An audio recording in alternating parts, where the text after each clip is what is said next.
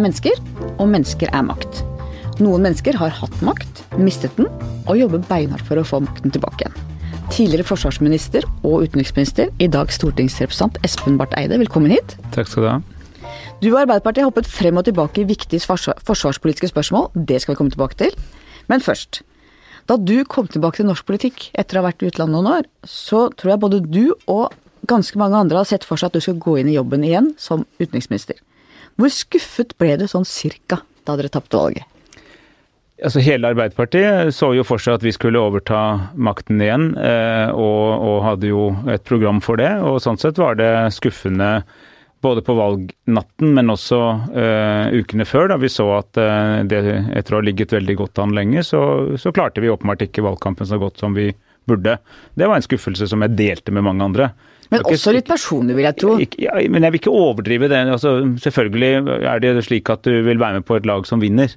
Eh, men vi var jo på det tidspunktet forberedt på at det kunne gå begge veier. Og, og, og såpass lenge har jeg vært med i politikken at jeg har opplevd både store nederlag eh, og store seire. Så at det kan skje, det, det visste jeg. Men det er klart det, det, er dumt å si noe annet enn at vi hadde håpet å vinne.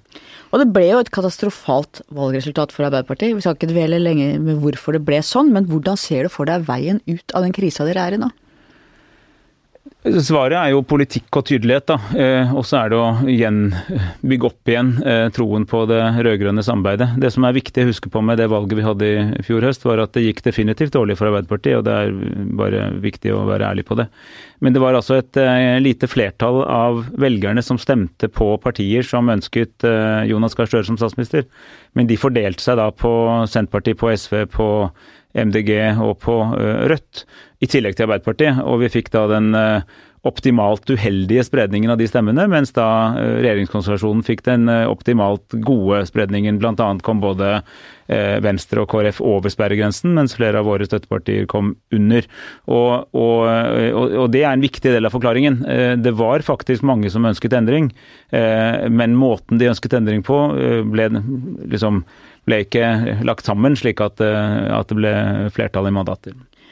Tydelighet, sier du, jo mange etterlyser tydelighet. Hva er egentlig prosjektet til Arbeiderpartiet nå? Jeg oppfatter at prosjektet til Arbeiderpartiet er å ta Norge inn i det 21. århundret på en måte som, hvor vi tar vare på noen verdier og tradisjoner om eh, likhet og fellesskap og, og møte utfordringer i, sammen. Eh, men samtidig erkjenne de store endringene som nå kommer eh, i arbeidsliv, teknologi, muligheter og også utfordringer. Og møte dem slik vi også i andre vanskelige tider har møtt store utfordringer sammen. Og, og, og Sånn sett så går det røtter tilbake til, til de aller første regjeringene, tilbake til uh, Nygaardsvold og kriseforlik og sånne ting, som jo så at det var en stor og vanskelig verden der ute, men man da møtte den med å dra seg opp sammen. Og Mye av Norges suksess er jo at i Norge har vi blitt rike sammen. Det er ikke slik at Norge først ble et uh, velstående land og så begynte å fordele, men fordelingspolitikk og, og utvikling har gått sammen. Og Da gjelder det å se fremover og ikke bakover. Det var jo Flaksen til Norge var jo at da vi fant oljen og ble så veldig rike, så hadde vi allerede et likhetssamfunn med en fordelingspolitikk. Det har jo gått veldig gærent i land hvor man har funnet olje f.eks. og ikke hatt det etablert. I egentlig omtrent alle land uh, som er så avhengig av en råvare som, som vi er, så har det gått uh, dårlig. Eh, i forhold til, altså Det har for så vidt vært en del velstandsvekst i samfunnet, men den har vært veldig skjevt fordelt. Det har ofte ført til korrupsjon og vanstyre, overforbruk og manglende bærekraft. Se Venezuela nå, f.eks. Ja, Venezuela er ekstremt eksempel, men altså selv land mye nærmere oss enn det. altså det var, Man snakker om hollandsk syke. Det var altså et, da Nederland fikk en god del inntekter, ikke minst fra gass. og ikke klarte å forvalte dem på en god måte. Så du trenger ikke å dra helt til Venezuela for å se at dette kan gå galt. Og det som imponerer meg, er når man ser tilbake på de eh, tenkerne og politiske lederne som styrte på slutten av 60-tallet, begynnelsen av 70-tallet, og som så både det enorme potensialet, men som også så alle utfordringene. Og vi vet at de gjorde det, for de snakket om det og de skrev om det. Du kan lese både taler og stortingsmeldinger. At man diskuterte dette med gradvis innfasing av inntektene i økonomien. Ikke la det bli en helt dominerende næring. Et skatteregime som sørget for at fellesskapet skulle få en god del av inntektene. Eh, etableringen av Statoil, som er ganske aktuelt i disse dager, som et om statens oljeselskap som skulle sørge for norsk kompetanse. Disse folkene så 50 år frem. Når man ser tilbake på deres prosjekt, så har det lykkes. Hvis vi ser 50 år tilbake, da, mm. så ser vi at velgermassen er jo også veldig endret. Eh, er dere fortsatt arbeiderklassens parti, eller tilhører dere nå middelklassen og stort sett bare den? Nei, jeg mener at vi må også alltid være arbeiderklassens parti. Eh, og med arbeiderklasse så tenker folk kanskje litt snevert, men jeg mener altså lønnsarbeidere flest er i den forstand arbeiderklasse, eller altså det er det, er det, det vi er parti for. Eh, vi ønsker selvfølgelig at eh, folk i alle lag av samfunnet skal like politikken vår, men det er viktig at vi har, et, at vi er rotfestet der, og da er det viktig også at vi samarbeider med resten av arbeiderbevegelsen, f.eks. LO. Men er dere på et vis offer for deres egen suksess, i den forstand at eh, Norges klassereise også eh, ble borgernes klassereise, og at det har på en måte svekket eh, velgergrunnlaget for et bredt Arbeiderparti? Det er jo en del av utfordringen at, eh, at man altså har gjort det mye altså den, du kan si De personlige klassereisen. da, eh, altså Folk fra enkle kår, men med, men med talenter på skolen f.eks. fikk anledning til å få penger fra Statens lånekasse for utdanning, og veldig mange kom seg da videre. Noen av dem endte da opp med å bli eh, å gå over på borgerlig side for da å forsvare de godene de hadde fått. Men samtidig er jo det et uttrykk for en suksess. Vi ønsket jo et samfunn med, hvor alle skulle få muligheter. Man kom jo dit man ville. Ja. Lik rett til utdanning. Man fikk jo altså likestilling, lik rett til utdanning, et godt offentlig helsetilbud. Selv om vi alltid har utfordringer og dette kan bli bedre, så ligger vi jo veldig godt an på alle internasjonale målestokker. Dette er en suksess. Men så ser jeg, når jeg da ser 50 år frem, så ser jeg eh, et Norge som må møte nye utfordringer. For det første skal vi bli mindre avhengig av olje og gass. Ikke nødvendigvis fordi vi vedtar det, men fordi trendene peker eh, i den retningen. Vi må investere i ny industri, nytt næringsliv, ny teknologi. Vi må også møte en endringstakt som går stadig fortere. Og jeg jeg har vært uh, sikker på at jeg var sosialdemokrat siden jeg meldte meg inn i AUF som 15-åring, men jeg er egentlig bare blitt mer og mer sikker. For jeg mener at å svare på de stadig mer omfattende spørsmålene og håndtere et stadig mer komplekst samfunn krever gode fellesskapsløsninger. Eh, og da må man skjønne hva som er forskjellen på å se fremover og bakover. Det vi skal se bakover for, det er å hente noen erfaringer fra dette jeg kaller da, liksom solidaritet, fellesskapsløsninger, små forskjeller, gode offentlige tjenester osv. Men så må man ikke se bakover for å hente tilbake til det som var det riktige svaret på 60- og 70-tallet. Du er ikke romantiker eh, på dette? Ikke på, jeg er romantiker, men ikke på dette. Ja. Nei, fordi ikke sant, jeg tenkte på det nå rundt Det er jo en del lenger ut til venstre som mener at man skal liksom gå tilbake til Gerhardsens tid og gjøre sånn som han. Jeg har jo hatt den gleden å faktisk møte Gerhardsen da han på sine eldre dager dro rundt og besøkte AUF-lag, bl.a. mitt, og, jeg, og, og, også kjenner ganske mye til hans livsverk. Jeg er helt sikker på at hvis han var her nå, så ville han fraråde sterkt at vi skulle gå tilbake til hans tid.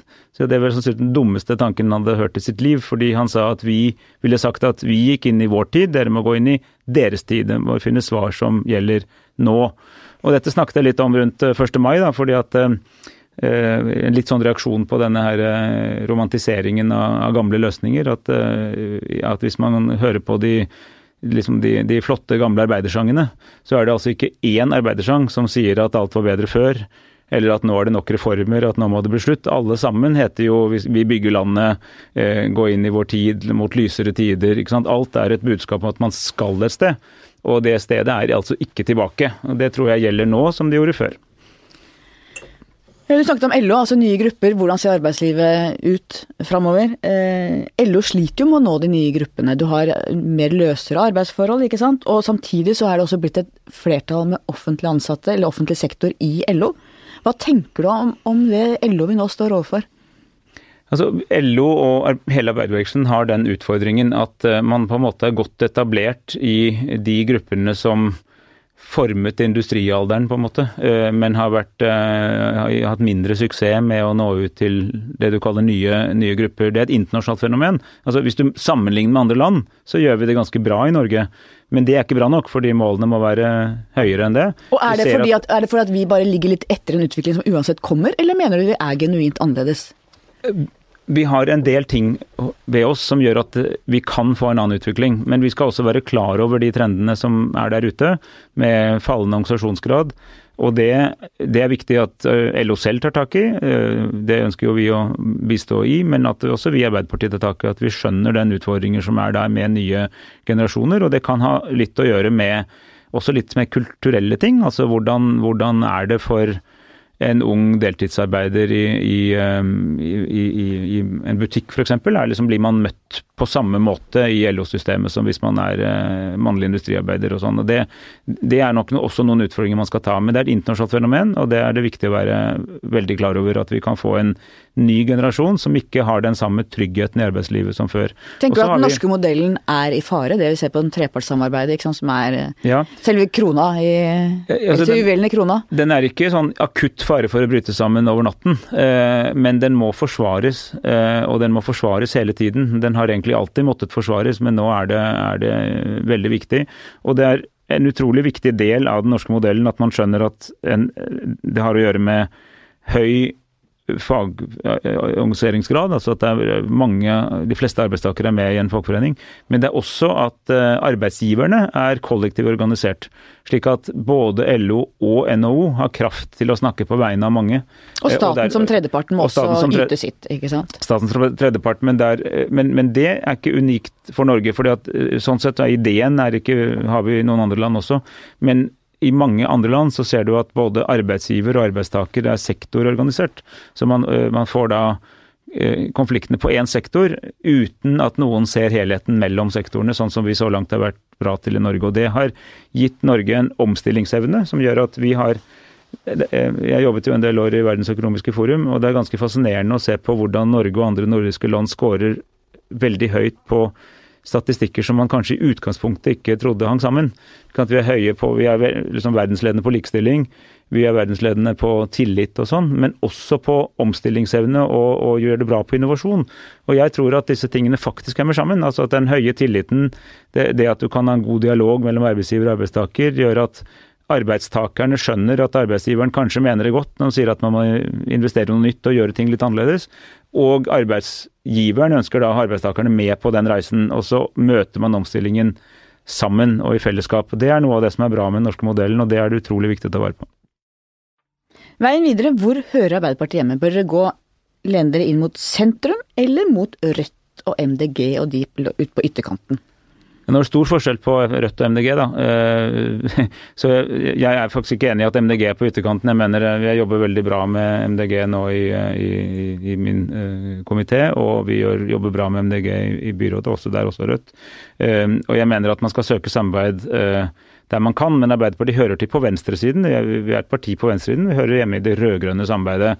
Og det rød-grønne samarbeidet med både SV og Senterpartiet gir noen tilleggskvaliteter til det Arbeiderpartiet står for, og i mange sammenhenger er det i hvert fall meningsfylt også å inkludere MDG på det. Man er forskjellige partier, forskjellig vektlegging. Men, men måtte, hvis du måtte velge hvem i tillegg du ville trekke inn i den varmen, ville du da følt deg mest komfortabel med KrF eller med Rødt? Um, Personlig. Jeg føler meg mest komfortabel i et, et solid rød-grønt samarbeid som så samarbeid. jo, jo, men du svarer svare ikke på spørsmålet. Kunne du sittet i et samarbeid eller lent deg på Rødt?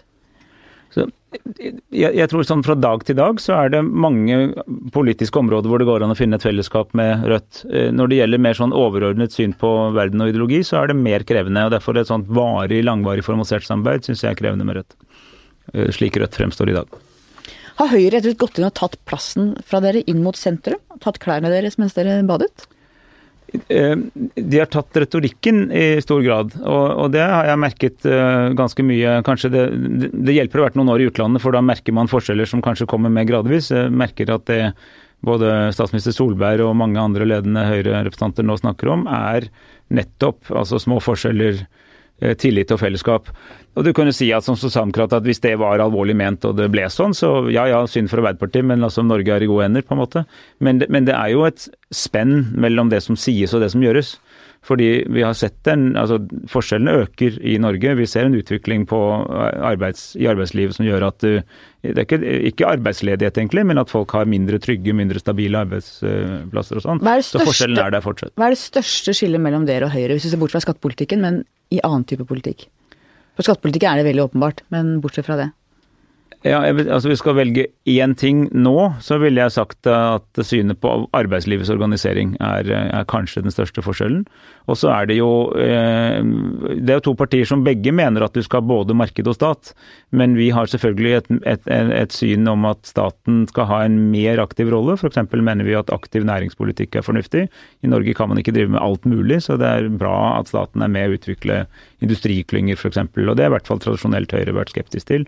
Mener at eh, markedet får bestemme om det daddelproduksjon eller oljeproduksjon egner seg best i Norge. Bør man kunne tjene penger på å drive barnehage i Norge? Eh, jeg er skeptisk til liksom, kommersiell drift som bare har det som formål. Eh, men jeg, men jeg mener at det er jo mange private barnehager som fungerer bra, når det er uttrykk for eh, altså enten en, en frivillig sektor, sånne ting. Så, så, vi har jo hatt private barnehager i, i, mange år. Jeg er ikke mot det, men jeg mener at når liksom store konglomerater tar ut hundrevis av millioner i overskudd, så er det problematisk. Er det verre å tjene penger på å drive barnehage enn å vaske offentlige kontorer f.eks.? Det, viktige, det viktigste er jo at eh, det som finansieres over offentlige, brukes til eh, gode tjenester. Eh, og, og, så, så, hovedmålestokken må jo være det, hvordan tjenestene ytes. For mitt poeng er å spørre om det er egentlig at, at, jeg tenker at Arbeiderpartiet er opptatt av på en måte å kjøre en annen profil på det, mens de jo alltid har vært ganske pragmatiske på at det viktige er tjenester som blir levert. Ja, det viktigste er tjenester som blir levert. Kvaliteten på det. Eh, om, om, noen leverer veldig, veldig gode tjenester og gjør det mer effektivt og dermed henter ut mer overskudd enn eh, de andre, hvorfor skal man bry seg om det så lenge man ikke betaler en overpris og det blir bra for barna? Altså jeg, jeg føler at dere legger det på en annen retorikk enn dere har gjort før for å på en måte skape avstand mer enn hva som faktisk er politikkens innhold, da. Ja, men tror, Vi tror jo også på at det bør være en, altså et betydelig innslag av offentlige tjenester. Altså Ikke bare offentlig finansierte, men også, også offentlig ytte tjenester. Og så er det at det er et, eh, et, altså det også finnes private alternativer, er også en korreks, så du kan kanskje utvikle nye ideer og sånne ting. Men, men, så det er jo en gradsforskjell, jeg er enig i det. Det er, det er jo ikke slik at du altså Hvis en skikkelig veldrevet barnehage er privat og alle, både foreldre og barn er fornøyd og sånn, så, så, skal man ikke lage for mye bråk rundt det. Men det er en utvikling nå hvor for mange av disse tjenestene nå går over på private. Nei, for jeg bare synes jeg ser en annen type retorikk som er mindre pragmatisk og mindre resultatorientert fra Arbeiderpartiet enn jeg har sett før, da. Er du enig eller uenig i det? Nei, jeg mener jo, nei, altså Prinsipielt sett så mener jeg at vi er opptatt av at du skal ha eh, tjenester som er gode og tilgjengelige for alle. Eh, og så må man oppta det på den best mulige måten. Det er det viktigste. Sosialdemokratiet er i krise også i Europa. Hvor mye av dagens arbeiderpartikrise handler om internasjonale strømninger? Det er i hvert fall veldig viktig. å, altså, I, vi tenker jo mer etter at vi gjorde et dårlig valg. Og som jeg har sagt før, altså, det, er det dummeste jeg vet, det er folk som påstår at det egentlig ikke var så dårlig, for det var det. Eh, men når det er sagt, gjør vi det bedre enn søsterpartier som historisk har gjort det enda bedre enn oss. Altså, eh, uka etter så var det valg i Tyskland, og SPD, som har tradisjonelt ligget solid oppe på 40-tallet, var liksom langt nede og, og, og liksom så liksom bunnen av 20-tallet. Eh, og dette er en trend som har rammet sosialdemokratiske men som faktisk rammer tradisjonelle store partier generelt. Establishment, egentlig. Det er, og det er veldig viktig å forstå. Eh, for noen tiår siden så kunne du si til meg beskriv et land i Europa, jeg vil ikke se hvilket, hvordan ser partisystemet ut? Og så kunne jeg ta sjansen på å si at dette landet har et stort sosialdemokratisk et nesten like stort konservativt parti, de har noe liberale og sånn i midten, og så har de noen små venstregrupperinger til venstre, og kanskje et lite høyreparti til høyre for de konservative. Eh, og det ville treffe på de fleste vesteuropeiske land. Det kan du ikke lenger. For nå har du sett at land som har hatt de facto topartisystem, har begynt å få fire-fem partier, som Spania. Eh, Frankrike er jo både tradisjonelle høyre og venstre omtrent borte, fordi eh, Macron og Marche har liksom tatt over alt. Og, og, og gjør mye spennende, men, men, da ikke med den forankringen liksom i en bred organisasjon som man tidligere hadde, enten det var på høyresiden eller Sosialistpartiet. Og dette er en internasjonal trend, en utfordring mot det som er etablert. Og Det tror jeg det er viktig at vi vi må verken underslå at vi er del av en internasjonal trend, eller, eller nøye oss med å skylde på det. Fordi På den ene siden så er det en del av analysen at dette skjer nå i veldig mange land. Og, og mye av det har å gjøre med en fallende tillit til de som styrer. Arbeiderpartiet har ikke styrt på en stund, men, men identifiseres med makta. Eh, og, eh, og, og, vi ser altså at politiske grupper som mobiliserer mot de som har pleid å styre, nå slår an mange steder. For det er, Dette er også debatten om elite versus folk flest. Ja. Oslo versus resten av landet. Eh, er det krefter som bygger opp under disse bildene for å skape motsetninger i et egentlig ganske konsensusorientert samfunn som det norske? Ja, altså vi, vi, er i ferd med å miste litt av den konsensusorienteringen og det som var bra med det. Det er klart at Konsensusorientering kan jo også være lammende. altså Man kan ha så bred enighet at eh, liksom ingenting skjer. Men, men jeg tror vi tradisjonelt hadde den balansen mellom gode, respektfulle debatter med ulike syn, men så fikk man brede løsninger, og så ble de gjennomført, og så holdt de måtte gjennom flere regjeringer. og Det, det er en av kvalitetene. altså igjen, Måten vi håndterte energiformuen på, er et eksempel på det. ikke sant? Og man stolte på hverandres intensjoner, tenker jeg. at man, Det har vært min ja. opplevelse av norsk politikk, at man har stolt på at de andre også vil godt. Lagt, og så er man uenig om virkemidlene. Man har lagt til grunn at andre vil godt. men det, dette, Man kan jo også ta det ut av politikken, fordi det henger sammen med hvordan liksom mediebruk. altså Tradisjonelt så ville man man fikk det meste av informasjonen sin fra etablerte medier, VG f.eks., eller Aftenposten eller Arbeiderbladet. Og så var man fullt klar over at disse avisene hadde ulikt politisk ståsted, det kunne man se på lederen og sånn. Men hvis det sto at noe hadde skjedd, så var det grunn til å tro at det faktisk hadde skjedd. Hvis det sto at noen hadde sagt noe, så var det grunn til å tro at det sitatet var rimelig nøye. Nå, i den dag, dagens medievirkelighet, så har folk et stort problem med å skille mellom liksom, åpenbart sant eh, og åpenbar tull. Uh, og det, det, tror jeg henger litt sammen. altså Disse to tingene henger litt sammen. At vi får en mer fragmentert uh, opplevelse av uh, både politikk og samfunn og, og, og media. Er du bekymra? Ja, jeg, det er jeg bekymret for. Det er faktisk en ting jeg er ganske mye bekymret for. Og, det, og jeg mener det, utviklingen i USA er på en måte en ekstrem case. Um, og der ser du nok det jeg nå beskrev. Pluss en voldsom utvikling av forskjeller, hvor veldig mange mennesker opplever at de blir stående igjen på stasjonen mens toget går. Eh, og, og, sitter da og ser på eh, den eh, suksessen som de andre har, men lurer på hvorfor ikke det også angår dem. Og den opplevelsen som jeg tror vi hadde både i Amerika, Europa ellers og i Norge liksom i, de, i de tidlige etterkrigstiårene, da, 50-60-tallet altså fremover, var at hvis statsministeren eh, sier, eller en annen sentral leder sier 'vi', så regner folk med at han mener 'vi', og det inkluderer meg. Og, og, og, at det, det finnes et oss, det finnes et kollektiv, at, at, man er i samme båt, at man beveger seg mot liksom, bedre tider. Og det skapte selvfølgelig en stabilitet. Og så hadde man liksom nyanseforskjeller litt mot høyre og litt mot venstre den, innenfor den stabiliteten. Nå er jo de aller fleste mennesker lever materielt mye bedre. Altså liksom, veldig mye bedre enn man levde da. Men denne opplevelsen av fremgang er stoppet opp. ikke sant? Så generasjon etter generasjon har kunnet regne med at våre barn får det bedre enn oss. Eh, nå er det veldig mange, eh, jeg snakker nå først og utenfor Norge, men det kommer nok her òg, som lurer på om barna egentlig får et eh, dårligere liv enn de selv har hatt. Og da kommer en usikkerhet inn, manglende tillit, en følelse at noe har brutt sammen. Og dessverre er jo en av en reaksjonene på det er jo å søke enten til enkle løsninger, av typen liksom utligne av skylda, liksom sende dem hjem, eller eh, at vi vil tilbake til noe vi opplevde som trygt. Og så, og så, har man da idyllisert en fortid som egentlig ikke eksisterte, fordi idyllen er mye vakrere enn den fortiden egentlig var, eh, og, og, søker seg tilbake dit. Og Det er en utfordring for sosialdemokratiet, men jeg mener det er en utfordring også for andre deler av det etablerte politiske systemer, og, si at nei, vi skal ikke tilbake noe sted, men vi skal ta med oss noen prinsipper og forme fremtiden med dem.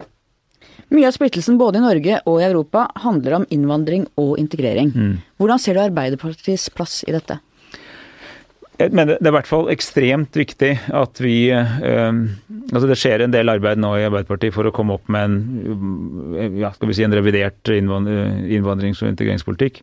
Og jeg tror vi må Det er liksom to ytterpunkter her som vi må styre imellom. Det ene er at vi, vi må slutte å gjøre som vi gjorde en gang. Jeg mener ikke vi har gjort det nå i nyere tid, men for noen år siden. da. Nærmest si at all kritikk alle, alle, som tok opp utfordringer med integreringen eller innvandringen ble for stor og sånt, liksom tok feil eller hadde liksom eh, negative motiver eller hadde liksom halvrasistisk tilnærming. Det må vi slutte med, fordi at det er en reell bekymring som mange mennesker har. For at nettopp dette, også folk som ikke egentlig har noe mot hver enkelt eh, innvandrer, men som opplever at det er et problem med volumet. Og Det må vi på en måte erkjenne og ta på alvor. På den andre siden har vi noen, noen grunnleggende instinkter om uh, humanitet og internasjonal solidaritet og ansvar for andre mennesker som også må være med. Og Mellom disse ytterpunktene så må vi nå finne en politikk som passer bedre til vår tid enn den vi kanskje har hatt. Men splittelsen i disse spørsmålene går egentlig rett tvers gjennom Arbeiderpartiet. Altså, Ja. Dere har jo hele spekteret i deres eh, velgermasse og tillitsmannsapparat.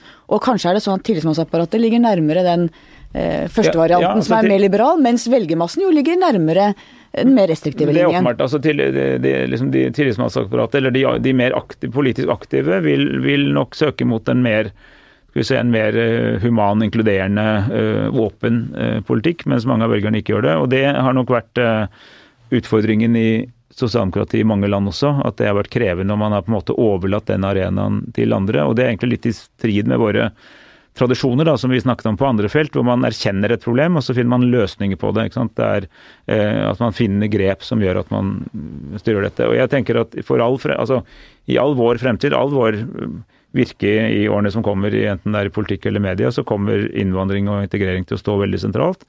Og vi må ta det på stort alvor. Vi må skjønne den uroen som mange føler. Men det er jo uro både hos kan kalle majoritetsnordmenn som opplever at samfunnet endrer seg for fort, eh, samfunnet endrer for fort, og hos en del av våre nye landsmenn som lurer på om disse nye trendene nå gjør livet vanskeligere for dem. Og Vi skal kjenne på uroen til begge de gruppene og ta det på alvor. Og så må vi finne noen nye og bedre internasjonale løsninger. Har, Er det behov for en ny asylpolitikk, slik Frode Forfang, UDI-direktøren, kom her for noen år siden, at vi må bare gjøre om på hele asylsystemet? I hvert fall justere mye på det. fordi at det, vi har jo nå det paradokset at du, du har altså rett til å du har rett til å søke asyl, og det, være, det er slått fast i, i, i flyktningkonvensjonen. og altså Retten til å søke asyl kan du ikke ta vekk, men den er jo bare reell hvis du kommer til Norges grense. og Da skal du ha vært igjennom fryktelig mange hindre på veien. Eh, Først skal du komme deg over Middelhavet eller på annen måte til Europa, og så skal du opp gjennom en masse europeiske land. Og så skal du komme hit og klare å presentere deg for å søke asyl. Da starter det en asylprosess. Det er et veldig tilfeldig utvalg, da. Tenker du, at, faktisk- tenker du at eh, leire i andre nærmere strøk enn der flyktningene er, kan være en løsning? Det jeg tenker er at det, Slik at man kan søke asyl nå, men, derfra? Men, jeg, sant, hør nå, essensen av altså Flyktningkonvensjonens absolutte essens sier egentlig to, ting, to viktige ting, og egentlig bare to ting. Det ene er at man har en plikt til ikke Altså man, man har ikke rett til å sende tilbake folk som vil møte individuell forfølgelse. Eh, fra hvis de allerede er i Norge. Eh, det er ganske opplagt, egentlig. Og det andre er at det finnes en rett til å søke asyl. Altså Du kan ikke kriminalisere det å søke. Det er ikke en rett til å få, en rett til å søke. Den beste måten å ta vare på flyktningkonvensjonen på, er å tolke den snevert. Fordi alle forsøk på å si at den nå gjelder masse andre ting, altså grupper klimaflyktninger, eh, vil til slutt undergrave den essensen som er der. De andre problemene også løses.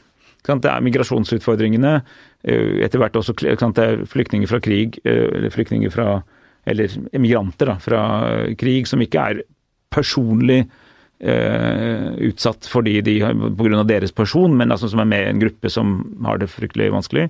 Du har folk som flykter fra, eller emigrerer vekk fra fattigdom, og etter hvert klima. Det må verden løse, men det må løses som noe annet enn tradisjonell flyktningpolitikk. Eh, og, og jeg tror det å bare få en, en bevissthet om det skillet ville hjelpe oss en god del på å sortere her. Og på migrasjon generelt så kreves det altså gode internasjonale løsninger, og at man står, først vedtar dem, og så står opp for dem. Det er jo litt det EU strever med nå. At de i og for seg har noen ideer om å fordele på dette her, men at medlemslandene altså bryter med de forpliktelsene de har inngått. Men det er jo utrolig komplisert av migrasjonsbølgen, demografien, ikke sant. Hvor i Afrika så øker befolkningen veldig sterkt. Og så er det ett velstandspunkt hvor folk får råd til å reise ut, og det punktet ligger mye lavere enn det velstandspunktet hvor folk ønsker å bli i hjemlandet sitt. Det betyr altså at hvis du når et visst velstandsnivå, så får du plutselig penger til å reise. Og det er lenge til det landet kommer dit hvor faktisk folk har lyst til å bli og bo der. Så det kommer til å komme enorme mengder mennesker som ønsker å komme til Europa. Og det Mm. Og de kan ikke Europa bære. Nei, de kan ikke komme hit alle Og hva gjør vi da? Ja, altså, Hvordan løser vi det? altså på, på mm, litt sånn overordnet nivå så må det jo være å hjelpe land i Afrika, ikke med å pøse penger inn i dem, for det, det er bare en liten del av det, men altså hjelpe med statsbygging og inkluderende samfunn og, og teknologioverføring og sørge for liksom, nytt utkomme. Eh, men også eh, familieplanlegging og, og, og sånne ting. Det er liksom et stort og langt lerret å bleke, men det, det kan man jo ikke slutte med. Men man må gjøre det på en måte som eh, ikke erstatter eh, staten og erstatter de lokale løsningene, men som stimulerer dem. Og Der er det, det er en lang, lang diskusjon om bistandspolitikkens eh, innretning og sånn, hvor man får til det, sånn at ikke vi kommer og kompenserer for manglende evne, men heller bygger, bygger evne. F.eks. veldig sikkert høres veldig nerdete ut, men jeg mener noe av det lureste vi gjorde i vår tid i, på bistandspolitikken, var å innføre, altså øke støtten til å bygge skattesystemer. Sørge for at en del av den velstanden som faktisk finnes i alle land, det er nesten ingen land uten rike mennesker, eh, at mer av den velstanden altså fordeles gjennom egne mekanismer, f.eks. Grunnbok. eh, Ja. Ei, Ja, eiendom, sikre eiendomsrett. Sikre eh, eiendomsretten, ikke sant. Det er også sikkert at selv fattige mennesker pleier å eie noe. Altså en liten jordlapp eller liksom noen redskaper, ikke sant. Men de er jo da veldig ofte i uformell sektor, og veldig ofte så blir du fanget i den uformelle sektoren fordi du aldri kommer over i den formelle sektoren hvor du kan få lån og, og sånne ting. Så det er mange sånne ting som, som man må ta tak i. Men, tror, sånn- men vi må bare være tydelige på at eh, selv om vi skal altså ha en eh, solidarisk og human politikk, så er ikke løsningen at alle, eh, alle mennesker fra Afrika kommer til Europa. Og, og, og det er bare greit å slå fast med en gang. Men det er det ingen som mener. Men det er, Nei. spørsmålet er hvor mange man skal eh, ta inn. Og hvor- Mm. mange tror du Europa er i stand til å, å ta imot og integrere, og hvor mange er Norge i stand til å ta imot og integrere? Jeg, Jeg tror for så vidt både Europa og Norge er i stand til å ta mange flere enn vi har tatt, men, men, det må, men jeg tror det som skaper de politiske motreaksjonene, er opplevelsen at det skjer på en ukontrollert måte. Altså liksom at, eh, og det er interessant hvis du ser på, tilbake på 2015, hvordan eh, altså denne lille døde gutten på Bodrum-stranden eh, ga folk en følelse av at vi er alle mennesker og vi må passe på disse menneskene, de er som oss. Eh, og da hadde du en bølge som var veldig sånn vennlig innstilt overfor folk som kom fra f.eks. Syria og flyktet fra Syria. Eh, og så noen måneder etterpå så var det bild, liksom, tilsynelatende i hvert fall, eh, bilder av eh, endeløse rekker med folk som skulle inn, som sto ved Makedonias grense, og da fikk folk en sånn følelse av oversvømmelse, og liksom vi mister kontrollen. Og det, er sikk- og det kan godt være at mange av de samme menneskene som da, etter å ha sett bildet av den døde gutten på Bodrumstrand, ville hjelpe, nå ble mer kritisk. Eh, Og jeg tenker at vi, altså vi som er på den siden av politikken, at vi er i utgangspunktet opptatt av en human og inkluderende politikk, må også skjønne grensene for human og inkluderende politikk. fordi altså, til slutt så kan man altså eh, legge til grunnlag for en politikk som gjør at du får helt andre politiske retninger i mange europeiske land, og kanskje hele det europeiske prosjektet bryter sammen. Som det truet litt med ja, i 2015, ikke sant, da dette ble opplevd som voldsomt. Så dette må forstås som et varig fenomen. Vi har bare sett begynnelsen på det, for menet blir ikke borte. Eh, Det krever gode felles løsninger, men hovedsvaret er jo ikke at alle mennesker flytter vekk. Hovedsvaret er jo å prøve å, å legge grunnlaget for liksom et eh, anstendig liv der folk bor, eller, at eller å ha en mer sånn styrt og eh, naturlig flyt som, som har å gjøre med ja, som er litt mer under kontroll. Oslo er jo i ferd med å bli eller ikke er i ferd med, Oslo er jo en delt by. Du har skoler i Oslo hvor det er over 90% minoritetsspråklige, og du har skoler i Oslo hvor det knapt er noen med innvandrerbakgrunn. Eh, Groruddalen, hvor vi nå har hatt mye fokus på eh, gjenger, vold. Eh, folk som flytter derfra som syns det er for vanskelig å bo der. Hva tenker du om det? Altså jeg tenker at det er, dette er eh, ja, altså, som alltid skal si det er mye som går bra. Altså vår, eh, det, er, det er veldig mange mennesker som er blitt godt integrert i Norge, funnet arbeid, funnet seg til rette, deltar i samfunnslivet på vanlig måte og sånt. og Det, det gjelder svært mange av de som har kommet de siste tiårene.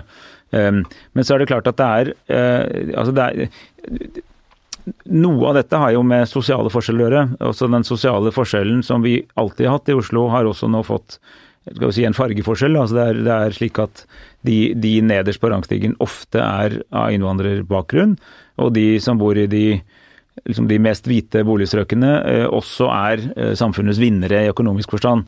Så noe av dette har å gjøre med store økonomiske forskjeller, men noe er selvfølgelig også kulturell tilpasning og eh, adoptering. Og har det da En- gått en for, ting jeg har forandringen gått for fort? Jeg, jeg, jeg,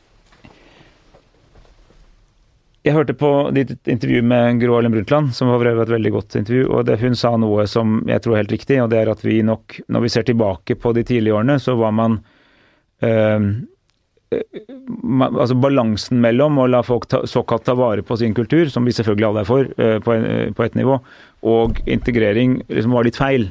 Eh, at land som har lykkes veldig godt med integrering, ofte også har gjort det ved å si at liksom, la oss si velkommen til Canada, her er vi canadiere. Du må gjerne også være etiopier, ikke sant? men altså, det er noen sånn, feil kanskje enda tydeligere på, på at det er noen, eh, noen eh, felles ting da, som, som du rett og slett bare må akseptere. eh, Og, og så blir du et vanlig borger, og så er du med å forme dette. Og Der har det nok vært noe de første, første tiårene som, som kunne vært gjort annerledes. man kunne vært ikke mindre tolerant, men altså mer opptatt av å bygge de følelsene at du er nå, et, du, du nå kom til et nytt land, og du må eie de, de grunnleggende verdiene og, og måten å være sammen på som preger vårt samfunn. Ja, for vi vet jo at det er miljøer hvor det er sterk sosial kontroll. Ja, eh, hvor, hvor jente, unge jenter har helt, en helt annen frihetsgrad, eller mangel på frihet, i forhold til gutta. Ja. Eh, at det er en del eh, familier eller en del kulturer hvor foreldrene mener at ansvaret deres slutter idet barna går ut av døra. Ikke sant? Mm. Politiet jeg intervjuet eh, politiet oppe på Stovner som forteller om det, ikke sant. Men foreldre som ikke snakker norsk. Mm. Det er jo en del utfordringer her som ikke bare handler om på en måte hvor på økonomiske rangstigen det er, men som handler om kulturelle forskjeller. Ja, nettopp. Nei, men Jeg er enig i det. Og det er, det er bare å erkjenne at det, det, det, er, er sånn, og at, og at man må altså som, ja, som foreldre i Norge så har du et ansvar for barna dine også utenpå hjemmet, og det å vite litt hva de driver med. Men også og, altså Det er ikke sant, balansen mellom ansvar og frihet som, som eh, jo ikke alltid har vært den samme i Norge heller. altså vi går noen tiår tilbake, altså Det er ikke så mange tiår tilbake hvor også helt alminnelige eh, norske eh, jenter nok hadde en litt annen oppvekst enn norske gutter. Men så har vi hatt en fantastisk utvikling på det området. Eh, og, og, der kommer man jo da direkte i et dilemma mellom da veldig mye toleranse for forskjell og ønske om at noen ting skal være felles for alle. Og Der mener jeg nok at vi skal trekke det litt mer mot mot det siste. Ja, hvor er du på den toleranselinja? Nei, altså jeg, jeg, jeg, jeg syns det Gro Harlem Brundtland sa i en tidligere podkast, nemlig at vi nok var vært litt, litt for slepphendte med dette en stund. Det tror jeg er riktig. Jeg tror det har endret seg. Vi, vi i Arbeiderpartiet nå har veldig mye fokus på sosial kontroll. Eh, altså på uønsket sosial Det er jo noen typer sosial kontroll som er bra, eh, men det vi snakker om her er den som er uønsket, f.eks. å begrense uh, unge jenters frihet i forhold til unge menn. Du vokste opp i et helt annet Norge og et helt annet Oslo. Ja. Du var enebarn i en stor villa på Vinneren med besteforeldre i huset. Fortell om oppveksten din. Nei, Jeg hadde en veldig fin oppvekst. Jeg, som du, jeg vokste opp da med, med, både foreldre og besteforeldre. Dette har vi tatt videre, sånn at nå bor vi bor ikke i samme hus lenger. Vi bygget hus til mine foreldre, som nå er besteforeldre da, til mine barn. Men, er, men de eh, lever i beste velgående midt i 80-årene og er veldig aktive og, og ser mye til dem. Eh, og, det har vært en fin, eh, fin oppvekst. Jeg hadde et, liksom et progressivt hjem med mange impulser fra hele verden, som uh, nok preget meg ganske mye. Jeg var mye ute på reise altså i, i, uh, i, i, rare land langt vekk. Ikke Syden, liksom? Nei, nei, det var mer til altså, afrikanske land som nettopp hadde gjennomført altså, frigjort seg fra Portugal og sånn. så det var mye av min barndom. Og så ble jeg da tidlig med i AUF, og det også preget meg veldig mye. Så jeg hadde en fin barndom som jeg ser tilbake på. Savnet du søsken? Du var enebarn? Ja, jeg tror noen ganger Men så, har jeg altså da, så giftet jeg jo da med en dame som har uh, seks søsken. Uh, Paloma fra Spania. Så, um, så, de har fått en kjempestor familie inn den veien, som vi er veldig mye sammen med og har veldig mye kontakt med. Så det, det, det løste seg på den måten. Men jo, litt, litt gjorde jeg nok det. Mm. Og foreldrene dine begge var akademikere, forskere, mm. reiste mye rundt. Mm. Fortell om dem, moren og faren din. Hva slags typer er de? Veldig stolt av dem. De er, altså, eh, min, eh, min far kom fra Vestla, enkle kår på Vestlandet, og første i familien som fikk høyere utdanning. og faktisk et eksempel på den reisen som nettopp eh, da Arbeiderpartiet la grunnlag for, fordi han, han hadde talent og, kunne, og, gikk på landsgymnas og senere studerte på universitetet. Med samme med faren min. Akkurat det samme med faren min. Og, og, og, var nettopp en veldig Og, og jeg tror de Eh, sikkert også din far. De, når de da først fikk anledning til å studere, så gjorde de det ordentlig, da, for det var et stort privilegium, i motsetning til mange av de som hadde gjort det i mange generasjoner før. Så da gjorde de det også bra. Eh, og, så, og, så, traff han da min mor i studentpolitikken mens han var leder av studentsamfunnet. Veldig parallell historie. Ja. hvor det faren min ja, ikke sant? Og, og, hun var da mer, kom da liksom fra det liksom øvre middelklasse og hadde liksom mange akademikere bak seg i familien. så det var jo også en, Og det ble en bra match, som jo har fungert i alle disse årene. Og de har gjort mye sammen. altså Han er jurist og menneskerettighetsekspert og var med og ført stifte Institutt for fredsforskning, og senere bygget opp eh, Institutt for menneskerettigheter og, eh, og nå Senter for menneskerettigheter. Og, og, hun jo jobbet med ernæring og ble opptatt av sosialernæring, og kom på et tidspunkt på 70-tallet til at nå vet vi ganske mye om hva folk trenger å spise. Problemet er at de ikke får mat, så ble jeg opptatt av liksom ernæring og bistand og, og, sånne ting. Og så senere i, liksom de senere mange tiår nå, så har de jobbet sammen om et helt spesielt felt som heter mat som menneskerett. Så da har de funnet en sånn felles nisje da, som de da dyrker i, og reiser verden rundt og skriver og konferanser og sånn. Hvem av dem begynner du mest på? Eh, jeg har helt åpenbart elementer fra begge, så det er vanskelig å si. Eh, kanskje min far, men det er eh, ikke Ja, det er elementer fra begge to. Er det sant at du tok Groruddalen oppover dalen for å se hvordan folk levde da du var 14-15 år? Jeg var nok litt før, litt før 14-15, men ja, altså jeg var opptatt jeg, altså jeg, var veldig, jeg, var veldig, klar over at jeg kom fra en privilegert del av byen, vestkanten og at byen var mye mer sammensatt enn det. Og, og, og, det slo meg da at nesten ingen av vennene mine kjente noen som bodde jeg nær sagt øst for Majorstua, så, så, det var vel Majorstua var vel det mest eksotiske man da hadde vært på, bortsett fra Oslo sentrum. Så det eh, Ja, så jeg ble opptatt av å liksom bli kjent med hele byen. Så ble det liksom en historie da, at jeg tok Grorudbanen for å se på østkanten. Ja, for jeg har ofte sett for meg unge Espen Barth Eide med store brune øyne sitter og ser oppover Stovner og Men men, men, noen år etterpå, da, sånn, som da ung AUF-er, så ble jo det veldig derimot eh, helt naturlig at man ble kjent med folk fra hele Oslo, og det ble en veldig rik, eh, berikende opplevelse, egentlig. Mm. Du ble rekruttert til AUF av Jens Stoltenberg, til Majorstua AUF, ja. som da antagelig var landets mektigste AUF-lag den gangen. Hvor mye betyr nettverkene fra slike miljøer i dag? Det var et helt fantastisk lag, og det er jo det er, um, det hadde, Dette er slutten av 70-tallet. Da hadde det vært litt sånn labre tider i AUF og Arbeiderpartiet, fordi at uh, vi tapte EU-kampen i 72. Hele AUF-lag meldte seg kollektivt inn i SUF som det da het, altså Sosialistisk Ungdomsforbund. Og, og, eh, og, aktiviteten var lav, så begynte det å ta seg litt opp igjen. Og så var det også en litt sånn krevende tid i Arbeiderpartiet. Det var, det var, det var litt sånn maktkamp, lå litt maktkamper og ventet og sånn. Men, eh, men, dette Majorstua eh, hadde da et veldig heldig sammentreff av mange bra og interessante mennesker som er vennene mine den dag i dag. Og, og, og da eh, hørte jeg vi, vi, hørte i hvert fall det at det var sånn at det liksom ble sagt i regjeringen at hvis du ble invitert dit, så burde man dra. Så det syns jeg var litt kult, da. Og det ja, var en veldig formende tid. Mm. Vi møttes jo, til dels i kjelleren hos meg. Mm. Og du var jo da eh, myk mann med gitar. Sang eh, pampeblues og Absolutt. Og med unge menn med pene trekk i fjeset som det gikk galt med. Og det var mye Sosialrealisme. Mye sosialrealisme og tårer og tennerskritser. ja, vi hadde uh, Dette var da fra tiden med AUF i Oslos visegruppe, hvor uh, som var bl.a. blant annet nå avdøde Turi Birkeland var en sentral figur der. Hanne Harlem var med, jeg var med, mange. Og eh, Steinar Arnesen var en av, annen primusmotor. Eh, og var liksom litt sentrum for kulturvirksomheten. Og da var det både mye gamle versanger, men også en del sanger som det miljøet hadde laget selv. Og altså, de hadde ikke nødvendigvis stått seg i vår tid, men de var bra da. da fungerte bra på Utøya og på, på gata i valgkampen. Mm. Utøya, hva betydde Utøya for deg? Veldig mye. Var der da første gang i 79, husker jeg, og, og brukte alle somre de neste ti-elleve årene, tror jeg, så var det helt eh, altså sommerleir, pinseleir, eh, kurs. Eh, først som ung deltaker, etter hvert som kursleder og sånn. Og, og, igjen, altså den Akkurat som det blir med AUF i Oslo liksom åpnet hele byen, så åpnet jo hele Norge, på en måte.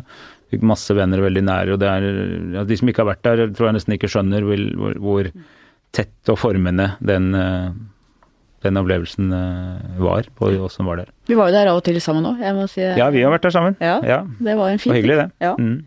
Sønnen din på 17 år var der 22.07.2011. Fortell ja. om det. Nei, altså det, for, eh, da hadde jo han vært i AUF en stund. Eh, bare for å si det først, at han hadde på helt eget initiativ bestemt seg for å melde seg inn i AUF, men han hadde funnet det naturlig.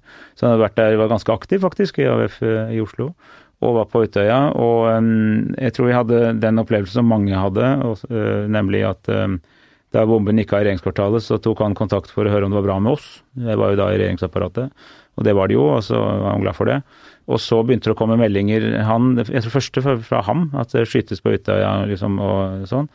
Og det var jo nesten ikke til å tro, så vi, første instinktet var jo dette kan jo ikke, hva er dette for noe, det kan ikke stemme. Men så skjønte vi jo fort at det faktisk var noe alvorlig på gang.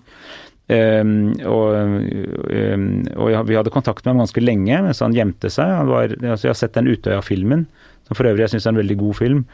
Og, og, ja, det er jeg enig ja, og, og, og, nesten utrolig at man klarer å lage en så bra film om en så traumatisk opplevelse. Jeg trodde ikke det skulle være mulig. Jeg var Nei, veldig skeptisk. Men, men, jeg bare tenker at uh, sånn, For jeg har jo gått den løypa han gikk og løp på, hvor han gjemte seg mange ganger med ham etterpå. Så vi, vi er liksom det, altså, Ingen kan leve seg inn i det, men jeg vet i hvert fall hvor han var på hvilket tidspunkt. Og, og, jeg tror det var ganske lik en del av de skjebnene som ble betegnet der. Eh, så sa han på et tidspunkt at nå eh, Jeg er sammen med andre, jeg, det skal gå bra. Jeg, jeg, jeg, husker ikke hvilke ord han brukte, men om han skulle svømme eller dra over eller noe sånt. Men i hvert fall så hørte vi ikke noe på en stund. Og neste telefon fra fremmedtelefon da var fra disse heltene på, på campingen på andre sida, hvor han hadde kommet seg dit da, og, og, ringte og sa at det var bra med han. Men da hadde det jo gått godt over en time, og han hadde kommet seg nok ikke vekk før politiet kom, uten at han visste at politiet kom da. Går det an å beskrive hvordan du hadde det i den timen? Nei, det var, sant, det var fryktelig eh, Fryktelig, men det som også er viktig å vite, er at ingen visste omfanget før etterpå. Så det vi skjønte var at dette var veldig farlig. Eh, noen gikk rundt og skjøt etter folk med den intensjonen å drepe. Men det voldsomme omfanget ble jo først kjent etterpå. Sånn at på en måte så hadde Jeg var jo da vi, eh, kone og jeg, var jo da i den tross alt hele situasjonen at før vi skjønte hvor alvorlig det var, så hadde vi visst at han var på andre siden. Det tok lang, lang tid før vi kom dit, fordi veien var jo sperret og det var tungvint. og og, og, og, ikke mulig å kjøre den vanlige veien, måtte dra rundt og en helt annen uh, veldig lang omvei for å komme til Sundvolden hotell, hvor de da var. Men, men da visste vi jo at han var på, liksom på landsida. Og så skjønte vi jo det voldsomme omfanget og hvordan det hadde rammet mange av hans nærmeste, og folk jeg kjente også, fordi at eh, jeg mener både gjennom altså Arbeiderpartiet har mye kontakt med AUF, men også kjente jo mange av hans eh, venner, og en del av de ble jo, nære venner ble jo drept også, så, så det gikk jo veldig inn på oss alle sammen. Og så var jeg samtidig i Altså jeg var på, det, det, var ikke blitt statsråd, jeg var statssekretær i, i Utenriksdepartementet, så jeg hadde også, og var liksom på jobb, sånn at jeg hadde jo også parallelt med dette ansvaret for mye av det de internasjonale kontaktene som også fulgte av dette her. Da. Så vi hadde både en familiær og en, og en mer politisk tilknytning. Det var vel den eneste i regjeringsapparatet som, som hadde et barn på øya da, mens det sto på. Mm. Det er mm. intenst. Mm. Hva tenker du at denne erfaringen har gjort med deg? Og med familien din? Um,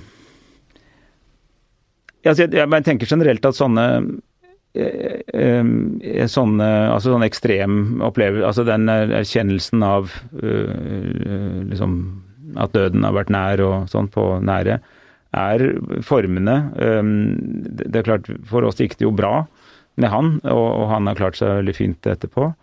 Men, men, det er jo noe som aldri helt slipper taket, og det tror jeg det er viktig å være klar over også i forhold til en eventuelt ny opplevelse, at det vil sitte i der. Har du blitt også, mer redd? Nei, det har jeg egentlig ikke. Uh, men jeg har aldri vært spesielt redd av meg heller. Og, og altså jeg tror det som Jeg tenkte, jeg har jo brukt veldig mye av uh, livet mitt på krig og konflikt og reist masse i krigsområder.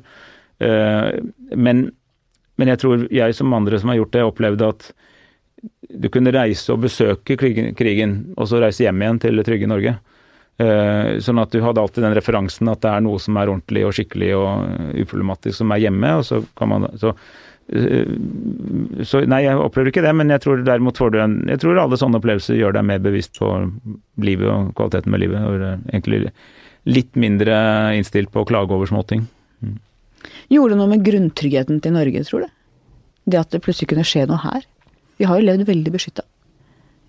Eh, jeg, har faktisk lyst til for en, en, historie at Vi hadde masse kontakt da, de dagene etter. Det var jo solidaritetserklæring. Jeg skal svare på det, men bare si noe som illustrerer det litt. Um, Eh, vi fikk jo solidaritetserklæringer fra selvfølgelig fra alle liksom, land som er venner av oss og sånn. Det skulle bare, altså helt naturlig, som er nesten rutinemessig.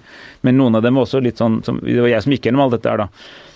Og en av dem var liksom fra liksom, Somalia, hvor liksom en, en ledende somalisk skikkelse sa at liksom, ok, liksom, sånn er det hos oss, men vi har liksom også hatt den drømmen om at det er noen steder det ikke er sånn. Så vi var liksom, vi virkelig føler med fordi vi hadde Også vår drøm om at noen land er helt trygge, ble knust. ikke sant? Sier noen i Somalia. Hvor det, liksom, det er ukentlig begivenhet at noen blir drept av voldelig, voldelig måte.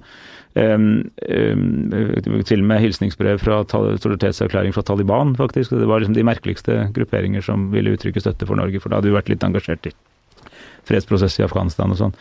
Men, men um, det gjorde det vel på kort sikt, men så tenker jeg at den egentlig sjeldent gode måten Norge har tatt tak i det på. Altså det at eh, dette ble da liksom det ble en ordentlig rettssak, man fulgte rettsstatens prinsipper. Eh, statsminister Stoltenberg gjorde en heroisk innsats i å være, liksom, lage en samlende eh, ikke sant? Man, gjorde, man, lot ikke gå politikk i det. Det kunne man jo gjort, fordi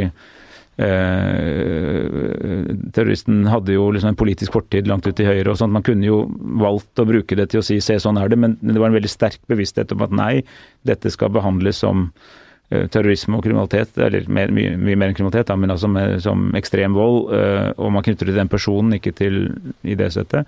Eh, og så har man da har man landet det på en sånn måte at Norge på en måte gjenopprettet mye av grunntryggheten, tror jeg. Men det kunne gått veldig annerledes.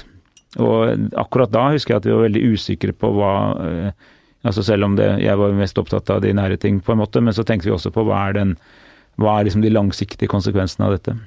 Og hva tenker du om beredskapen? Jeg tenker at man skal være Altså, man må ha eh, Man må ha et Altså, man må alltid prøve å ha så god beredskap som man kan uten at det går på bekostning av andre viktige verdier. Det er en avveining der mellom altså, hvor mye Altså, jeg for overvåkning som skjer under kontrollerte former. og, og det, er, det, er, bra å ha god etterretning, det er bra å ha et politiberedskap. Men, men, det er, men det er en, man må være helt ærlig på at absolutt trygghet også lager et absolutt utrivelig samfunn. Så det er en avgrensning der. Um, og så tenker jeg at det som jeg kan si sånn nå lenge etterpå, at litt det som um, plaget meg litt med diskusjonen etter eh, 22.07 i Norge, var at man, veldig mange var opptatt av hvordan man kunne hindre akkurat det samme å skje om igjen. Altså, liksom, hvordan kan man få noen, altså Nærmest sånn hvordan kan man få politiet fortere til Utøya neste gang. Men det eneste vi vet, er at det, det som ikke skjer, er nøyaktig det samme en gang til. altså eh, og sant, Fokuset på at man ikke hadde stengt Grubbegata. Jeg er enig, det burde man selvfølgelig ha gjort. Men hadde man stengt Grubbegata, så hadde Breivik sprengt Stortinget eller noe annet. altså Poenget med at man, man leter etter det svakeste ledd. og det var veldig mye forståelse på det som mente at hadde man bare gjort sånn, så hadde ikke dette skjedd. Jo, hvis intensjonen er der, så skjer det. Og det ser vi også i land med et mye høyere sikkerhets- og beredskapsnivå. Altså Noen land i verden har jo bevæpnet politi på hvert gatehjørne og opplever likevel terror. Men da, du, du, kan da påvirke litt hvor det slår til. Det jeg derimot tenker på når du først spør store spørsmålet om beredskap, er at jeg er usikker på om vi er Altså Vi har i Norge et prinsipp som heter nær, eh, sektorprinsippet, eller også kjent som nærhetsprinsippet. og Det er at de som har ansvaret for en sektor, har ansvaret for beredskapen der. Ja, helse er for seg, ja, politi er for seg, altså, Forsvaret er for seg. Ja, og hvis du driver kraftforsyning, skal du passe på liksom, å ha uh, god integritet og soliditet i kraftforsyningsnettene og sånt. Det er fornuftig når det gjelder den langsiktige forebyggingen. Men jeg tenker mye på at det jeg tror vi ikke er så gode på, er å håndtere komplekse kriser hvor mange ting går galt samtidig. Uh, altså Hvis Norge nå skulle utsatt for et angrep i anførstegn. Og da mener jeg ikke nødvendigvis liksom, eh, stridsvogner som ruller inn over grensen, eller fly som kommer og bomber oss, men noen som vil virkelig En, en ondsinnet makt, f.eks., som ønsker å virkelig påvirke Norge-tap, så vil du, vil du, treffe mange sektorer samtidig. Og det vil ta tid å oppfatte at disse tingene henger sammen. Det vil være altså, at strømmen går i Nordland og ingen ambulanser er tilgjengelig i Oslo fordi datasystemet deres er brutt sammen, og, og telenettet på Sørlandet ikke virker. Og så tar det litt tid før noen legger sammen to pluss to. Uh, og der tror jeg vi Den type beredskap, altså for virkelig å håndtere en stor, hurtig hurtigoppdukkende, sammensatt krise, som man nå ser i det vi kaller hybridkrigføring, det tror jeg ikke vi er gode nok på. Ja, Estland var utsatt for cyberattakk. Georgia var det ja. uh, for ti år siden. Ja. Eh, og det er jo der man tror at det vil komme, og da er så spørsmålet når definerer man at det er et angrep? Absolutt. Eh, Egentlig er det jo sånn at sant, i, i, tradisjonelle angrep da, som skjedde med militære styrker fra et annet land mot ditt land, der har du på en måte en sånn absolutt ikke sant? Vi, vi vet når annen verdenskrig begynte. Den begynte 9.4 om morgenen, og det begynte da man åpnet ild mot uh, Blücher. Og så vet vi når det sluttet. Det sluttet 8. mai, når hjemmefronten overtok kommandoen på Akershus. Du kan ha bilder av det, liksom, du vet akkurat når med i vår tid, da, så er det sånn at du vet ikke egentlig når kriger begynner, du vet ikke når det slutter, du vet ikke helt hvilken arena de skjer på. Eh, det du er helt sikker på, er at eh, en, en, internasjonal konflikt alltid vil være en cyberkonflikt. Det er ikke mulig å tenke seg at den ikke er det. Så kan det være noe i tillegg, men det er også der. Og det betyr at vi gjør oss stadig mer sårbare gjennom å være stadig mer på nett. Det er en utvikling som ikke kommer til å stoppe. Men det betyr også at mye av beredskapen må være i forhold til å opprettholde sentrale tjenester informasjon inn til regjeringen, tjenester ut til folk og sånn i, i, en cybervirkelighet. Og der tror jeg det er mye Ja, der er vi ikke gode nok. Nei. Det er for så vidt ingen andre heller. Men, men vi kunne godt tenkt mer på dette i Norge. Det mener jeg. Ja, når du ser på sårbarhet, jeg får av og til vondt i magen når jeg tenker på hvordan man kan faktisk altså, ta, ta alle trafikklysene, ja. som du sa, vann, strøm. Ja. Eh, at det er enormt sårbart, for nå er alt så lett. Vi har det i iPhonen vår, og vi har, ja. lever digitalt. Og det er, det, er tre, det er, tre, typer ting du kan gjøre, og den eh, i, i, i stigende faregrad. Da. Det første er jo rett og slett bare å stjele informasjon. altså alminnelig spionasje eller, eller finne ut om folk.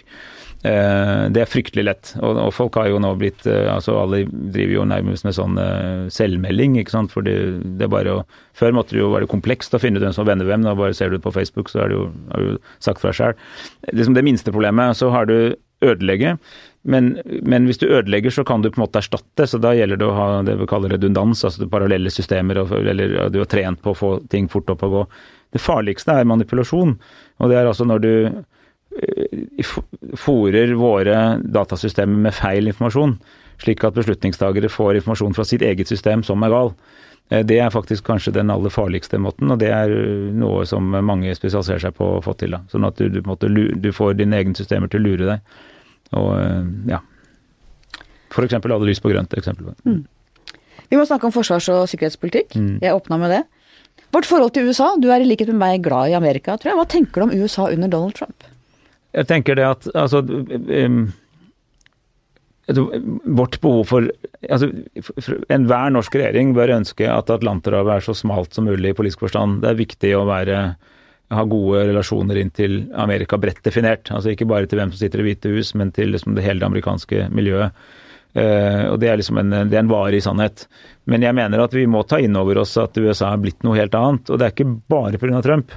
Altså, under Obama, Vi likte Obama så godt at vi ikke så alle trendene som skjedde under, men, men det var en utvikling. Det politiske USA har beveget seg fra liksom eh, nordøstlige hjørne og inn i landet og vestover, og, og blitt ganske annerledes. Og, og, veldig polarisert. Og det er ikke sånn at når, når Trump blir borte, så kommer liksom Eh, Chelsea Clinton eller, eller Sasha Obama overtar og alt blir bra igjen, liksom. Altså det, er, det, er, det, kan vi ikke regne med. Det er strukturelt. Så det er noe strukturelt som skjer, og, og, det gjør at vi er faktisk blitt enda mer avhengig av relasjoner til Europa. Og vi kan altså, og selv om det alltid da, hver gang man sier det, så blir noen stressa for man er redd for EU-strid. Nei, jeg snakker ikke om det. Men du vil Men, fortsatt inn i EU? Ja, altså jeg stemte for jeg kunne, og har ikke skiftet syn på det. Men jeg, men jeg, anser ikke det som noe altså Jeg også skjønner at ikke det er i, i nært overskuelig fremtid, så det er liksom ikke problemstillingen. Men vi må skjønne at vi innen, innenfor de rammene vi har, så blir vi altså stadig mer avhengig av øh, nære bånd til våre øh, europeiske venner, ikke minst på kontinentet. Fordi også Storbritannia er jo inne i en utvikling vekk fra det Storbritannia vi kjente. Så, så Tyskland, og, liksom Tyskland, Frankrike, Nederland, nordiske land blir stadig viktigere for oss. Og vi ser jo at det er jo gjerne de landene vi er oftest enige med i internasjonale spørsmål også. Eh, og det gjør at vi, vi som har liksom vokst opp i en sterk atlantisk tradisjon, må, må justere blikket litt. Og hvor bekymra skal vi være? Joshua Munch, en uh, akademiker i USA som har skrevet uh, mange bøker om, uh, om hvordan demokratier eller han er opptatt av hvordan demokratier kan skli over i det autoritære.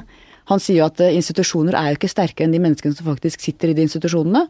Og beskriver et forløp hvor du kan se for deg at de eh, at en mann som Trump da vil i begynnelsen en del gode folk gå inn for å på en måte av nasjonens interesse gå inn og ta jobber med etter hvert som de blir så herja med og blir skjøvet ut, så vil du få mer og mer bad guys også inn i de tunge institusjonene. Og så kan et sterkt demokrati gradvis skli over i autoritær retning. Mm. Er det det vi ser nå i USA, eller kan vi risikere at det er dit Amerika men den, går? Men den gode nyheten med Amerika, som i hvert fall så langt, er jo at vi har sett at altså, ikke minst har Trump sett at presidentens makt er mye mer begrenset enn han trodde. Altså, han, er, han er vant til å være CEO i sitt eget selskap, hvor han er både liksom eier, og, eier og styrformann og, og, og, daglig leder og på en gang og bestemmer og opplever da at nå blir en president i USA tilsynelatende maktposisjon, men du er mye mer inngrenset pga. at du skal ha flertall i Kongressen og det er eh, domstolene uavhengige og sånn.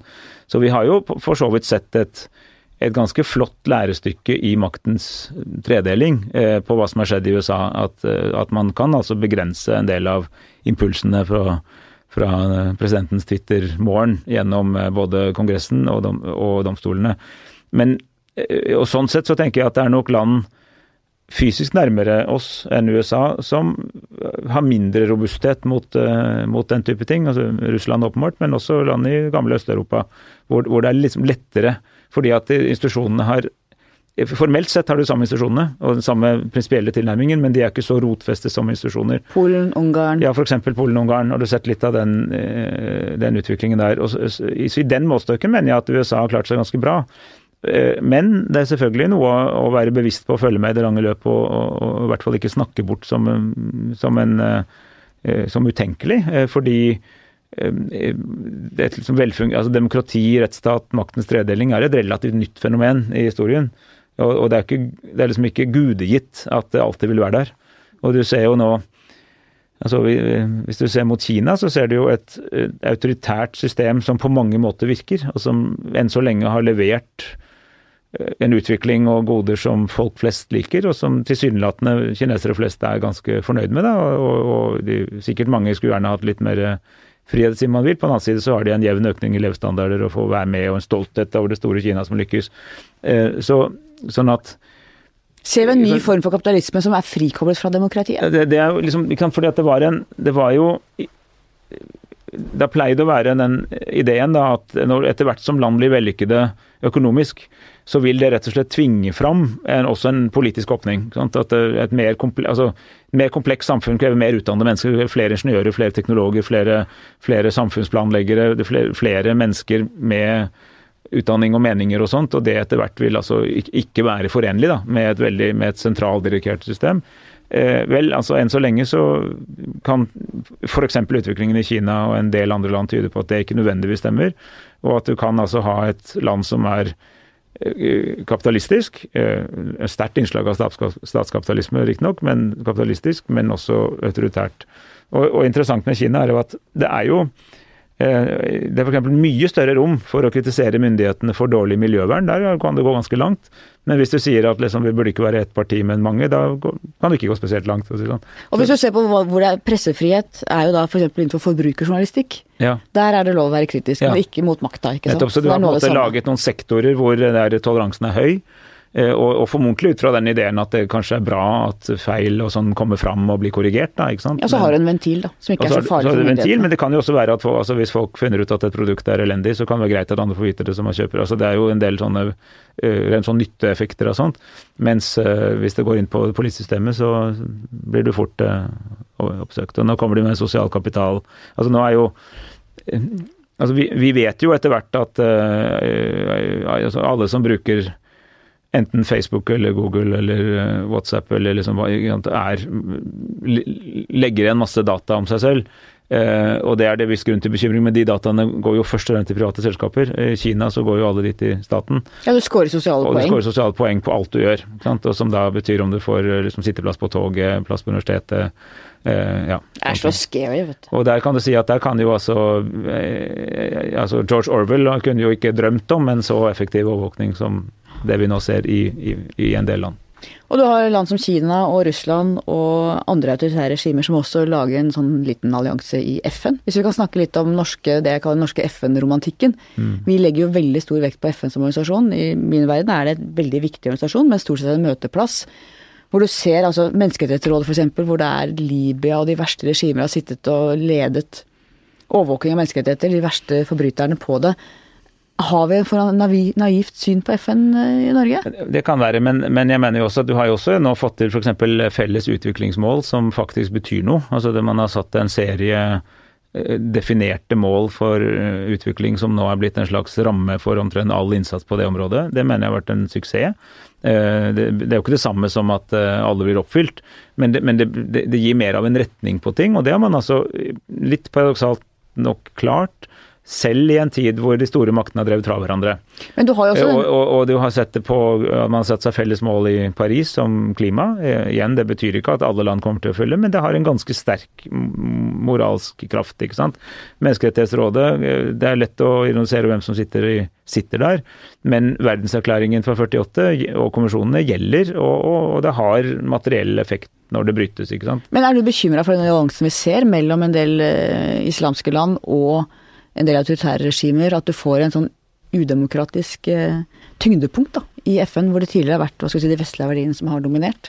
Det er jo et, men det er, altså det er jo en trend som Det er ikke en trend spesielt i FN, det er jo en trend i verden, som derved også ikke sant, fordi at i, ja, Som påvirker FN sterkt? Det påvirker FN og, og andre institusjoner. Men nå, først må det jo sies at en del noe av undergravingen av uh, sentrale vestlige prinsipper skjer jo fra Vesten. Altså USAs uh, kamp mot uh, frihandel, f.eks., er jo Du trenger jo liksom ikke autoritære land i øst når du har en president som Trump som gjør det selv.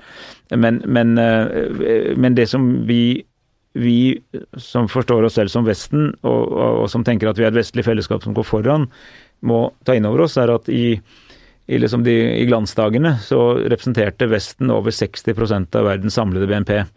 Liksom slik at det var der innovasjon Men veldig mye mindre del av befolkningen. Det var der liksom det skjedde, og det som trakk Vesten, verden fremover. Og, og, og, land prøvde å kopiere Vesten, på en måte. Nå er vi liksom på vei ned mot lavt ned på 40-tallet. Altså slik at Over halvparten av verdens BNP produseres av land som ikke er i Vesten. Og det, det er en veldig annerledes verden enn den vi vokste opp med. og det Eh, eh, kan si demokratisk altså FN er jo demokratisk mellom land, på en måte. ikke sant? Det, men, altså, det betyr ikke at de landene er demokratier, men, men altså når da uh, land med makt og innflytelse vil ha en annen utvikling, så er jo det for så vidt uttrykk for at de ja, altså Det er litt rart bruk av ordet, men det er et, et, et generalforsamling i FN sitter alle landene og stemmer, har en stemme hver. Og når du får en tyngdeforskyving der, så vil du også få andre vedtak. Mm, og andre valg til komiteer og sånne ting. Verdier, hva ser du som viktige norske verdier? Det viktigste av alt er tillit, tror jeg. Det er liksom nummer én. Eh, og så er det en tro på altså tillit, eh, en tro på fellesskapsløsninger, solidaritet. Eh, det er en verdi av å prøve å gjøre forskjellene mindre og ikke større. Um, og det er sentrale ting som jeg tror det er viktig å, å ta vare på. Og det er, um, det er, sånne verdier som tar lang tid å bygge opp. Og kort tid å rive ned. Mm. Og hvis de er revet ned, så kommer de ikke nødvendigvis tilbake. Hvordan ser du religionens plass i det norske samfunnet? Altså det tror jeg også liksom vi, vi, på venstresiden og Arbeiderpartiet må ta inn over oss. Vi må, vi må, erkjenne altså Religion betyr noe i politikken. Det er viktig at staten er sekulær, og man må forsvare prinsippet om at statens institusjoner er sekulære. Men å erkjenne at eh, blant innbyggerne mange mennesker som har sterke religiøse følelser, og at det er ikke bare selvfølgelig legitimt, men altså det, det, det må være en del av den politiske eh, forståelsen. da. Det har vi kanskje ikke vært så gode på, og det er viktig. Og der vil jeg si at vår, Min partileder Jonas Gahr Støre har nå vært i flere sånn litt sånn dype samtaler i kirker med prester og biskoper og sånt, og snakket litt om noe jeg også selv har vært opptatt av. Det er at samme hvor du står i forhold til kirken, at det er noen det er noen fellestrekk mellom den norske folkekirken og arbeiderbevegelsen. Det er ikke det samme, bare, absolutt ikke misforstå, men, men liksom det, det, som heter nestekjærlighet i kirken kalles solidaritet, det, det at uh, altså, en liksom tro på fellesskapsløsninger, tro på samfunnets ansvar. Uh, der er det en del ting som egentlig er en ganske god tradisjon, og som er en del av forklaringen på hvorfor Norge er blitt som det er blitt. Fordi vi var inne på et tidligere intervju at eh, Norge har gjort det kunststykket å gå fra å være først et fattig land og så gjennom ikke minst da vannkraften og industrireisingen blitt et mellominntektsland, og så blitt fra mellominntektsland gjennom olje og gass og sånn blitt et høyinntektsland og et av verdens rikeste land. Eh, men uten i altfor stor grad å kaste på båten et verdisett som vi har med oss fra den tid vi var et, et, et fattig land. Og det, det, er fordi det har vært en politisk bevissthet om det. Og jeg tenker at øh, hvis du, man lurer på om politikk nytter, så er det litt lurt å se tilbake på at mange av de som tok de, de urbeslutningene om dette, de, de, de, gjorde det nettopp for å oppnå det man nå har oppnådd. Så det, det er faktisk mulig. Og nå står vi altså overfor et, et nytt sett av utfordringer, også klimatrusselen f.eks., og behovet for en kraftig tilpasning til det, som gjør at vi som lever nå, må på en måte ta stafettpinnen videre og være like flinke til å svare på de spørsmålene, men også ta vare på disse grunnverdiene da, som er med oss. Og så har jeg lyst til å legge til at en del av Altså i den, enten du kaller norske verdier eller norske modellen, som er to litt forskjellige ting, men det henger av og til litt sammen, i hvert fall for meg, eh, så er jo det med internasjonalt samarbeid og, og en åpen økonomi en veldig viktig del. Altså det, det, at vi er åpne mot verden er en del av den norske modellen, eh, og har vært det hele tiden. Vi har, det, er, det har aldri vært ideen at vi lukker grensen og stenger oss inne. Er, altså vi, vi, vi importerer og eksporterer. Og vi kan jo ikke verken spise all fisken eller bruke all aluminium eller bruke opp all oljen selv. Det er jo bare med en verden som virker der ute at dette gir mening. Ellers kan vi bare slutte med det. Eh, og da må man også ha en åpenhet mot, eh, mot samarbeid med andre. Hva er ditt eget forhold til religion? Tror du på Gud? Jeg er ikke aktivt religiøs, nei. Det er ikke det. Men jeg har respekt Er du passivt for religiøs? Nei, jeg, nei, altså hva er det for noe? Nei, jeg er ikke, jeg er ikke troende, men jeg har eh, Det er jeg ikke. Og jeg går ikke i kirken og sånn, jeg er ikke troende. Men jeg, men jeg har stor respekt for Jeg mener at mange av de som er det, også bringer noen viktige verdier inn til samfunnet som det er viktig å ta på alvor. Og så mener jeg også at religionen har vært brukt eh, til eh, undertrykking og, og, og hindre sosial utvikling i andre sammenhenger. Så det er et åpent, men kritisk forhold. Mm. Til slutt, mitt faste spørsmål. Hva skal bli historien om deg? Espen Barth Eide, det var han som Nei, Jeg håper jo at folk vil liksom tenke på meg som et, eh, et godt menneske som, eh, som vil andre vel. Og så er jeg opptatt av at eh, i, i min offentlige rolle, da, at jeg oppfattes som en som eh, snakke med folk og ikke til folk. Eh, at jeg lytter og kommuniserer og, og forsøker å se det beste i alle. Tusen takk for at du kom. Takk til deg som hørte på. Takk til researcher Grete Ruud og vår fastprodusent Magne Antonsen. Vi høres igjen neste uke.